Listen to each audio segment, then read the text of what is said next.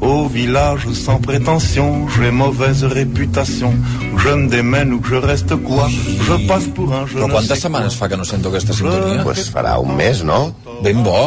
Com us he trobat a faltar? Hola, Mira que han Santa passat, han Jiménez. passat coses, eh? Sí, que han passat. Totes ahir. Te'n vas, a, te'n vas a França, noi, i quan tornes passa el que va passar a Nissa. A mi em sorprèn, i, i això sí que ho vam comentar, que um, sigui tan poc temps el que, el que ha passat entre que s'acaba l'Eurocopa i en, uh, aquest atemptat a, que- a, a Nissa. Queda per veure quina mena de tantat és, no? Sí, sí. Això, però sí, sí, realment. Però també s'ha de recordar que el, durant l'Eurocopa van, va haver-hi un atemptat que, a París que van no li van donar massa volada perquè tampoc volien espantar la gent, mm -hmm. però Mm-hmm. sí que realment van, ma- van assassinar dos policies, una parella de policies que eren marit i muller a- al seu apartament davant dels seus fills. Mm Mm-hmm. -hmm. I, I els fills els van deixar vius, però sí que van matar els dos policies. Déu-n'hi-do. I de fet, no només els, el, el de sempre, els atacs es van concentrar no a l'Eurocopa, però a, a, a Pròxim Orient a la qüestió ha seguit igual, o és que és el que comentàveu abans a la tertúlia.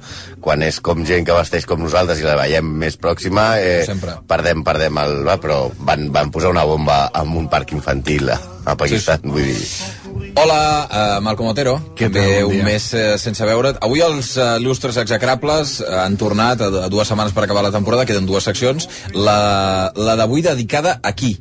Avui parlarem d'una de les reines de la novel·la. I parlem de reines en plural, perquè només no, no, no hi ha una, no? Si amb el, el, el tro de les reines de la literatura pues el comparteix també pues, amb Agatha Christie o Pilar Eire, per exemple. Avui li toca a la creadora... Ai. Home, és la que ha guanyat el, Sí, el sí. planeta, no? Finalista. Finalista. Injustícia. Avui li toca a la creadora d'un personatge tan turbador i tan turbat com és Ripley, la que va escriure Estranys en un tren, pel·lícula que va portar Hitchcock, la novel·la que va portar Hitchcock al cinema. Avui li donem el carnet d'execrable a una dona tan malvada i carregada d'odi com els seus personatges. Avui parlarem de Patricia Highsmith.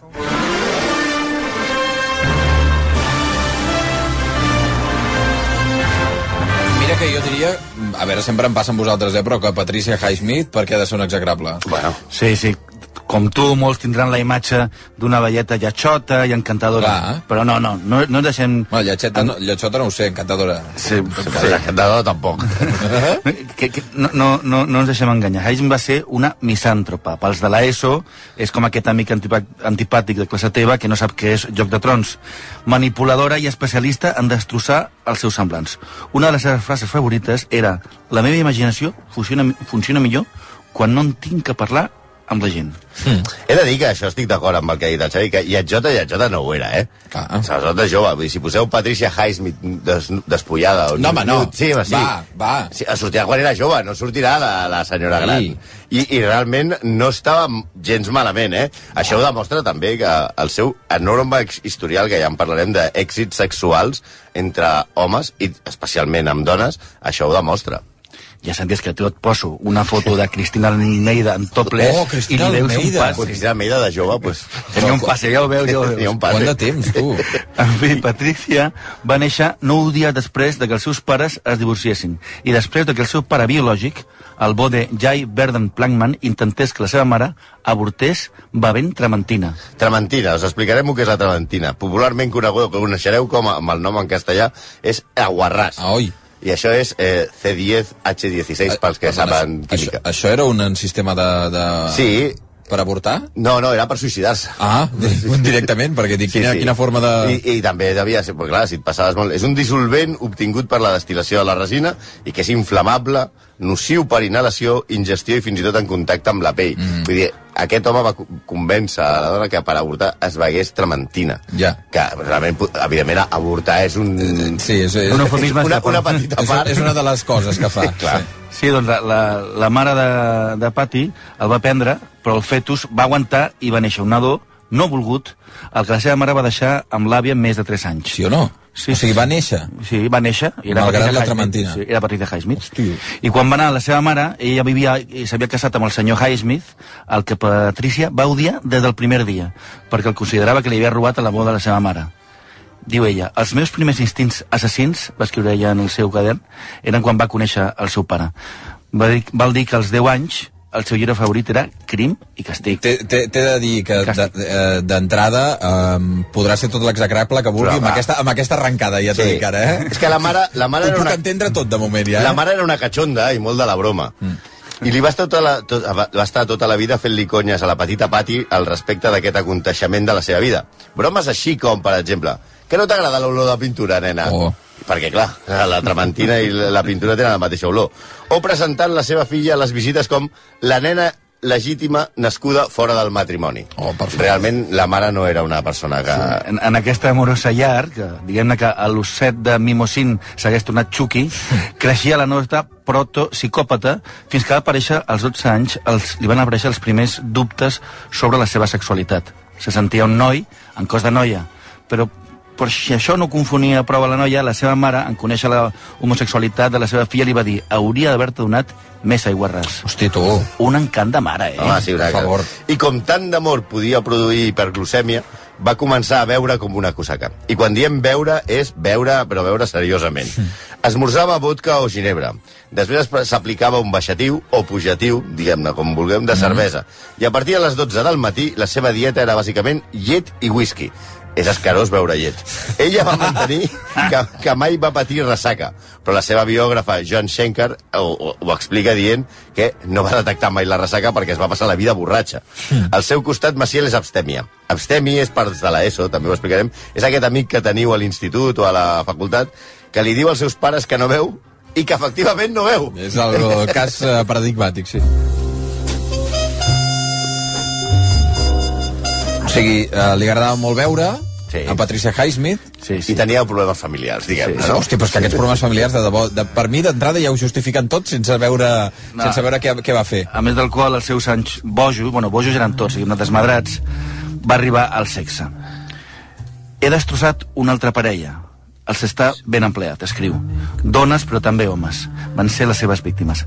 Aquesta ombra autodestructiva, autodestructiva va acabar sent un imant pels dos sexes, com una teranyina, un patricia devorava les seves víctimes, les usava, les maltractava i al final les abandonava. Un dels reptes amorosos va ser Helen Hill, sociòloga de fortíssim caràcter en què tenia dis eh, sonades discussions a crits. Helen va tenir dos intents de suïcidi en quatre anys de relació i va seguir una vida sencera enamorat de Patricia. Avui això es diu relació tòxica. Mm. Aleshores només es deia Patricia és un mal bitxo. Però sembla ser que una, per una vegada es va enamorar prof- perdudament, evidentment, d'una dona casada. En els seus diaris detalla profusament com fan l'amor Després de 4 anys en els que Patty es va comprar la casa al costat de la seva amant per estar més a prop, al final va aconseguir destrossar el matrimoni de la seva amant i, i quan ja eh, el marit va marxar i va deixar la dona, ella va trencar amb la seva amant. Eh, I aleshores va començar una altra vegada una espiral amorosa que també incl va incloure homes per alguna vegada. Segons ella, les relacions amb els homes eren relacions no exitoses, com per exemple les que va tenir amb l'escriptor Arthur Kessler o el fotògraf Roald Tidgens.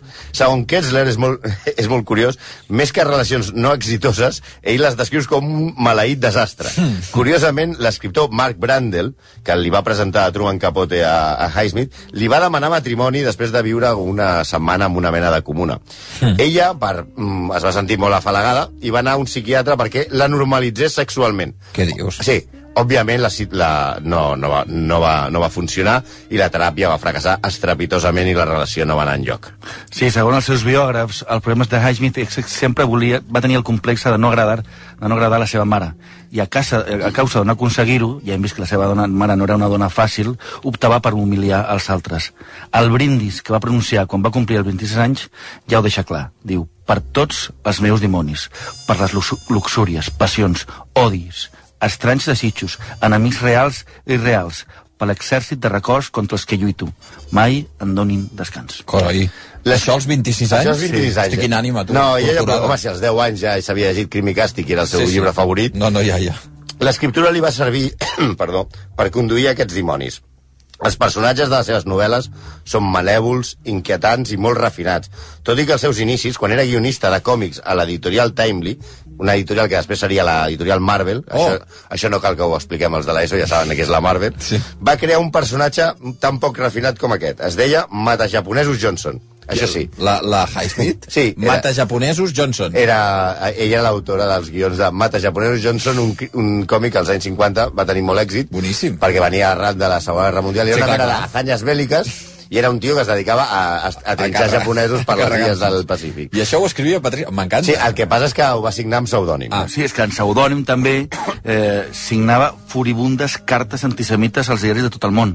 Es veu que escrivint aquestes cartes era quan més disfrutava de l'ofici d'escriure. Hi ha un, un molt, molt famós que diu «Esos que t'estan robando la vida», que eren els jueus. Hosti, En els seus diaris... Sí, relat- perdona, de moment ja tenim, um, diguem-ne, addicte al sexe, Borratxa. eh, borratxa... Però dit el sexe per destrossar les al- parelles dels Exacte. altres. No, no perquè li agradés tant. No, no, sinó ella el que li molava era entrar a per casa... destrossar la gent. A destrossar la gent. I, I, a més a més, antisemita. Sí. No? I, I amb certa... I diguem-ne amb una família un pelín desestructurada. Això sí. en els seus diaris ella relata que dues persones habiten dins d'ella i sempre va tenir la por de patir algun tipus d'esquizofrènia. Ella escriu als seus diaris que... Eh, té molta por de que quan sigui gran pat, mm, patiria esquizofrènia. Això sembla eh, confirmar pel, confirmat pel seu entorn, encara que una de les seves poques amigues que va conservar durant anys va dir valèmolament, donant-li la raó, que efectivament hi ha dues parts, una dolenta i una altra dolentíssima. I si això t'ho diu la teva millor amiga, en, qual, en qualsevol cas, tothom sabia que en qualsevol moment podia tenir una sortida de to. És a dir, seria co- la Mila Jiménez, a Sálvame, és, és una, una, una persona adorable. Si Patricia Highsmith hagués estat un exemple perfecte per Salva. Home, rebenta les audiències. Hagués rebentat les audiències. Si al final de la seva vida, rica i amb un èxit infinit, només menjava mantega de cacauet i bevia cervesa. Per favor. Fumava sense parar, vivia rodejada de gats i la seva última època es va aficionar als cargols, però no a la llauna, sinó que els observava durant hores mentre es reproduïen entre baves. Va morir d'anèmia i de càncer a Locarno, a Suïssa. Hosti, tu. Un personatge. Quina, quina història, mira, no sabia absolutament res de la vida personal de Patricia Highsmith, em sembla un autèntic desastre. Busqueu la foto Però ara de- s'entenen millor les novel·les, eh, aquest personatge No, tan no, fosc. No, Segur, clar, segur, segur. La, el talento de Mr. Ripley, Sí, sí, que, sí, que és sí. un veritable cabrón. Un malparit. un malparit que, Hosti. que era com una molt bona persona, que, Sí, sí, sí, sí, que que ho sembla. endavana la gent, i que no té Però- cap... eh, Bàsicament ella escriu sobre personatges completament amorals. Sí, sí. I, Ah, exacte. I ella és el que tenia. Que ni tan sols li feia No, no, mal. no. Que... Home, de, de tenir en compte que la seva mare Sí, sí. feia bromes amb el seu intent d'avortament. amb això de la trementina. En fi, a 6 minuts i dos quarts d'onze del matí, ja sabeu quin serà l'últim execrable de la temporada o no? Sí, sí. Ah, Ja tremolo. si, si els turcs i els campioners de Nissan Això Superman... mai se sap. Això mai se sap. Eh? Hi va haver una època que els estius eren tranquils. Eren tranquils i es parlava de, de la moda. De, la Exacte. canció del Platges. verano ha desaparegut. Ah, això mateix, ja no se'n parla. Uh, parlaríem d'un altre ballet simpàtic, Sí. també que té una fotografia que enamora el món i que és icònica, que surt traient la llengua. Convertirem en execrable a Albert Einstein. No! Aquest, com a mínim, no era antisemita. No, home, no. 6 minuts i dos quarts d'onze del matí. No, mal, a la- a l'Einstein no me'l toqueu.